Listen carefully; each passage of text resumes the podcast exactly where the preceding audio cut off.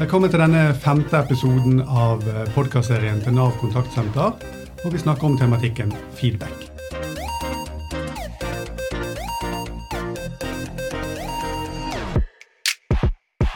Vi har tidligere pratet om hva en feedback er for noe, hvordan vi gir en feedback som fungerer.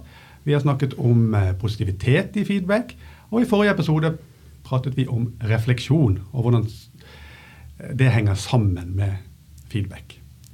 I denne episoden skal vi fortsatt snakke om uh, refleksjon.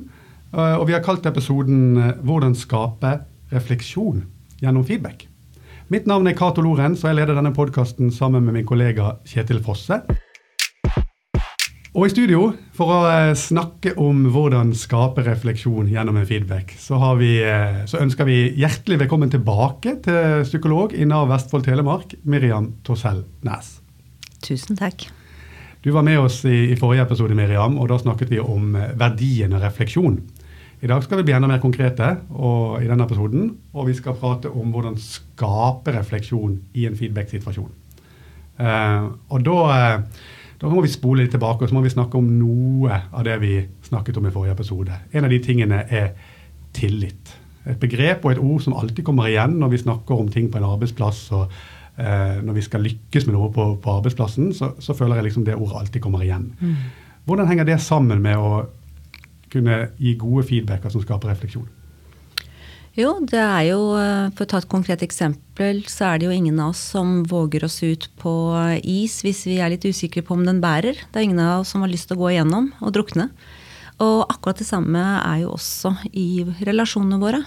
Det er jo ting vi er opptatt av å ivareta, og det er vårt, uh, vår egen verd og vår selvfølelse og vår følelse av trygghet og mestring. Så uh, derfor så blir jo tillit så utrolig viktig, for det er jo det som gjør at jeg våger meg utpå det. Uh, våger å ikke lenger fastholde mine meninger og perspektiver, men våger å løse litt opp på de og, og, og gi lys på de. Uh, og så snakker man jo mye om tillit, selvfølgelig. Det hører vi hele tiden. Og noen ganger så kan jeg tenke at det blir jeg jo nesten lei av å høre. Uh, og det er jeg kanskje ikke alene om. Uh, vi vet det er så grunnleggende, men jeg tror det er vanskelig noen ganger å vite hva det er. Men det er jo helt klart bygd opp av noen byggestener som er konkrete. Det er det jo ingen tvil om. Men den er subjektiv. I betydningen at tillit er noe jeg føler. Så ingen kan si at her bør du ha tillit, eller her er et tillitsfullt klima. Det er jeg som vet om jeg har tillit, og det er det som gjør om jeg våger meg utpå. Mm.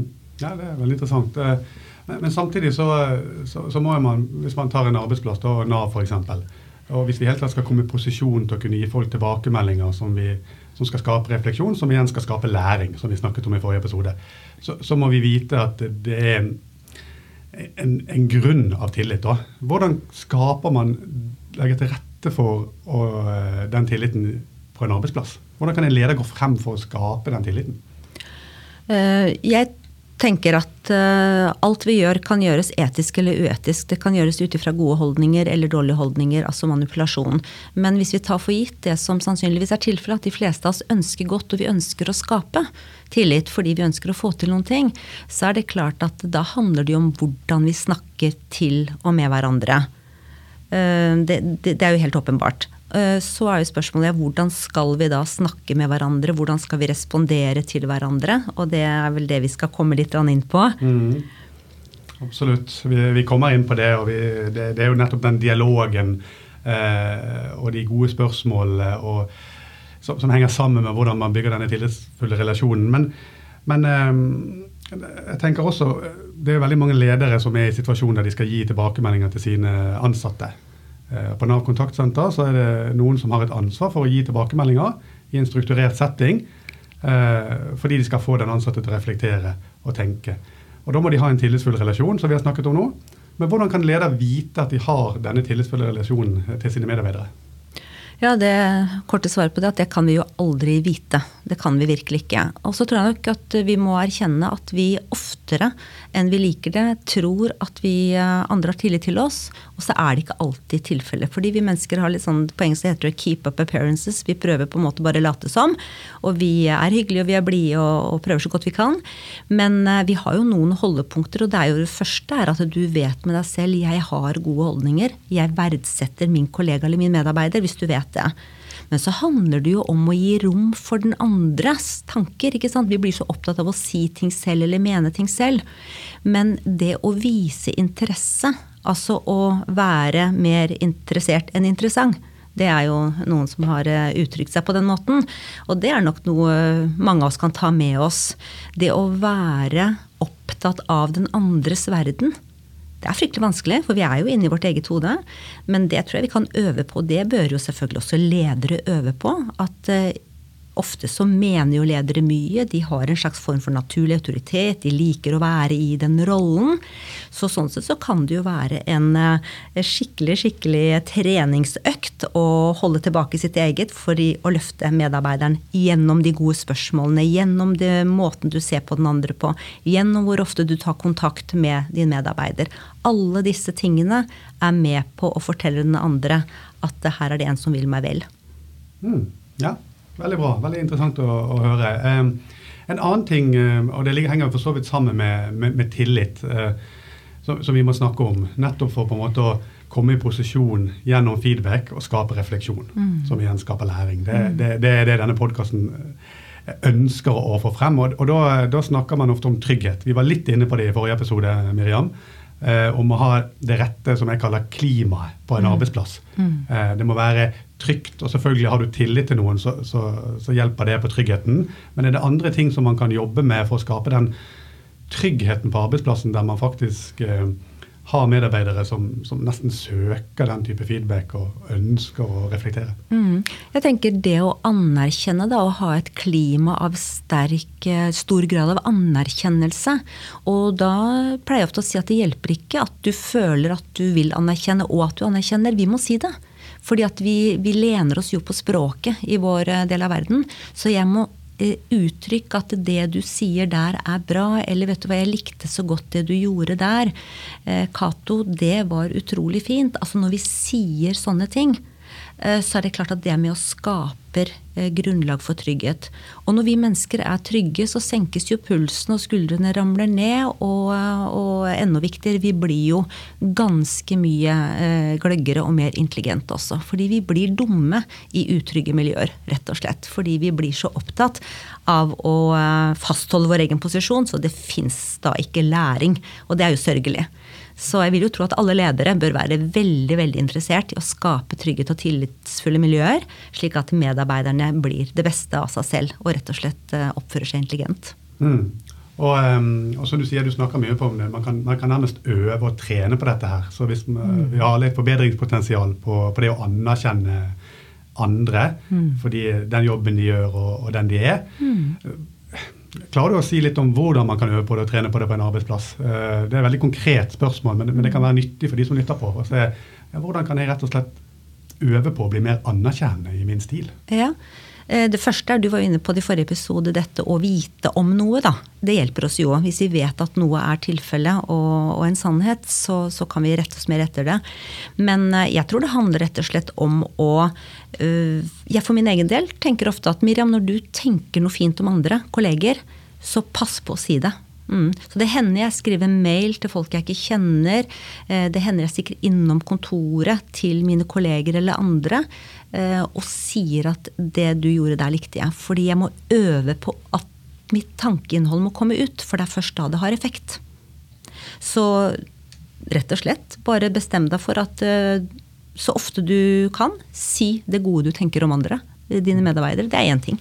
Ja, det, det, høres jo veldig enkelt ut. Og, og, jeg har hørt det før. Ikke bare tenk det, men, men si det. Og, men, men, men, det er noen merkelig barriere der. da, Et lite hinder for oss mennesker å gå fra tanke til ord. Eh, nettopp på det, bare det å anerkjenne et annet mm. menneske som i teorien er ganske enkel. Um, hva tror du er årsaken til det? At vi på en måte tenker det litt for mye og sier det litt for lite? Ja, Det er et eh, svært spørsmål. Det første som slår meg, er jo egentlig kultur. da den kulturen vi har. Du ser jo amerikanerne f.eks. er mye Du møter dem på gata 'I love your shoes', liksom. Du aner ikke hvor kom det fra. Altså, Vi er jo ikke sånn i Norge, men vi kan jo øve opp en kultur som er skapende og lærende. Og da må vi lene oss på det vi kan av psykologisk kunnskap. Og det vi vet, er at hjernen vår er sosial, vi reagerer på hverandres nærvær, vi reagerer på hverandres utsagn og blikk og kroppsspråk. Så da må vi ta faktisk og rette rette oss etter det og sørge for at vi eh, sier noe og bruker blikket vårt. Og jeg vet jo om folk som er, de er veldig introverte. Jeg kjenner folk som ikke våger å nesten bruke blikket på en annen. De syns det er ubehagelig av ulike grunner, men som har øvd på å se på den andre. Øvd på å si det. Og øvelse gjør mester, det er det jo ingen tvil om. Det er det absolutt ingen tvil om, mm. eh, på det aller meste. Mm. Um, det som slår meg når vi, når vi snakker, og, og, egentlig når jeg har snakket med, med alle våre gjester i denne podkastserien, det er at det ligger alltid et stort ansvar på leder. Um, knyttet til situasjoner der man skal gi feedback og skape refleksjon. Og nettopp når du forklarer hvor viktig tillit er, og den tryggheten på arbeidsplassen, det er også lederansvar i stor grad. Um, og I tillegg så skal de være gode til å kommunisere når de allerede har beredet grunnen med tillit og mm. trygghet. Det, det, er ganske utfordrende, dette her. Og, um, hvordan kan en leder på en måte kommunisere når, når, tryggheten og tilliten er i bunn, og de skal begynne på en måte å gå inn i en feedback-situasjon mm. som gjerne skal skape de rette tankene hos en mm. medarbeider. Mm. Hvordan bør de kommunisere da? Kan, kan, du gi oss noen tips på det? Ja, altså hvis vi er litt på på uh, spørsmål, f.eks. Altså, for eksempel. Vi, ja, for eksempel. Uh, og, og, og, kanskje vi altså, ikke bare kanskje, vi bør oftere stille spørsmål enn å mene. Vi lever jo nesten sagt i en slags sånn meningstyranni hvor alle det er om å gjøre å mene, og den som mener mest, den på en måte står øverst på uh, pallen. Men jeg skulle ønske at vi kunne snu på det. Den som mener mindre og har større grad av ydmykhet og større ører, Eh, og holde litt eh, mer kjeft, den burde egentlig havne øverst på pallen. Fordi at det er jo først når vi hører og når vi lytter og får tak i den andre, andres meningsinnhold at vi lærer. Og det vi alle vet, er jo et godt spørsmål er jo et åpent spørsmål. Og så kan man si ja, hvorfor er det noen som har funnet ut det? Det er jo fordi at når jeg stiller et spørsmål eh, som du må tenke på, som ikke er ja eller nei Altså, har du tenkt på at, eh, at det er eh, gøy å håper eh, si, løpe, så, så, så, blir du på en måte spora på løping. Men det er ikke sikkert du satt og tenkte på det. Du tenkte på noe helt annet. Så hva tenker du er hyggelig å gjøre? Da får jeg ditt meningsinnhold. Og det er også en øvelse. Å stille disse åpne spørsmålene. Hva? Hvordan? Hva tenker du om det? Har du noen uh, ideer? Det er noe som får fram meningsinnhold hos den andre. Og da er vi inne på interessen for den andre. Fordi at da er det ikke jeg som skal fortelle deg hva jeg blei opptatt av. Og i en feedback også så er det sånn Hva tenker du om det? Og så er det en annen ting at når folk da gir svaret, så er vi veldig kjappe. Så skal vi liksom stille neste spørsmål som vi har tenkt på. Så grubler vi akkurat som en sånn reporter som skal ha liksom klart hva han skal stille av spørsmål. Men nei, det er egentlig forberedelsens eh, negative side. Å være så forberedt, fordi da er jeg ikke åpen for det som kommer der og da. Så det er noe å øve på. Mm. Og det å tåle å sitte stille, løfte blikket litt, høre etter og si 'dette var interessant', bare et sånt lite ord. Det du sa der, det har jeg ikke tenkt på før. Ikke sant? Det er anerkjennelsen. Så åpne spørsmål og anerkjennelsen er jo to uslåelige kombinasjoner når det gjelder å skape trygghet og få den andre til å føle at 'oi, jeg er viktig'. Eh, nå er jeg utsatt for den andres interesse og oppmerksomhet. Det er jo kjempedeilig. Det er jo alle disse fine hormonene de flyter som bare det, fra hodet og ned til beina og i hele kroppen. Ja, du, du maler et godt bilde her nå. Jeg tror alle som lytter på, inkludert meg, eh, kjenner på den følelsen mm. av å eh, være i andre sitt søkelys, sånn som du sier. Men eh, da eh, da krever det en grad av sånn nysgjerrighet, som, eh, som, jeg vil si, da, mm. fra den som på en måte skal skape refleksjon. Mm. De må være nysgjerrige. Er det for alle? Kan dette øves på? Kan dette trenes på? Du var litt inne på det. for mm. det er jeg litt opptatt av. Mm. Fins det noen gode verktøy som vi kan på en måte sette i gang med? Og, og, sånn at vi blir gode på disse type spørsmål som du nevner, da, disse åpne spørsmålene. Mm. Ja, jeg har jo tidligere vært veldig optimistisk på menneskehetens vegne, men det er klart med erfaringen så finner du ut at folk er ulike i egenskaper og, og grunnleggende, ja, grunnleggende, egenskaper. Og dette er jo et tett knytta opp til vår hva skal jeg si, tilknytningshistorikk. Hva er det vi har lært at funker i livet? Hva har vi lært at beskytter oss eh, best? Men, men jeg tror at alle kan lære. Og så er det ikke alle som kan lære like godt og like fort. Det er det jo eh, heller ingen tvil om. Men eh, jeg tror det for alle å få lov til å være i et utviklende og et trygt og et tillitsfullt miljø, det er klart det skaper noe hos alle mennesker. For vi er dypt menneskelige. Alle sammen, og det er universelt. Når vi kjenner at her er det noen som bryr seg, her er det noen som lytter til meg, her er mine egenskaper og min kapital, den er eh, viktig, så er det klart at det da igangsetter det noe som gjør at eh, det blir en positiv sirkel. da. Mm. Så, men vi skal ikke si at eh, alle har like gode forutsetninger. Det tror jeg vi bare kan si at sånn er det ikke.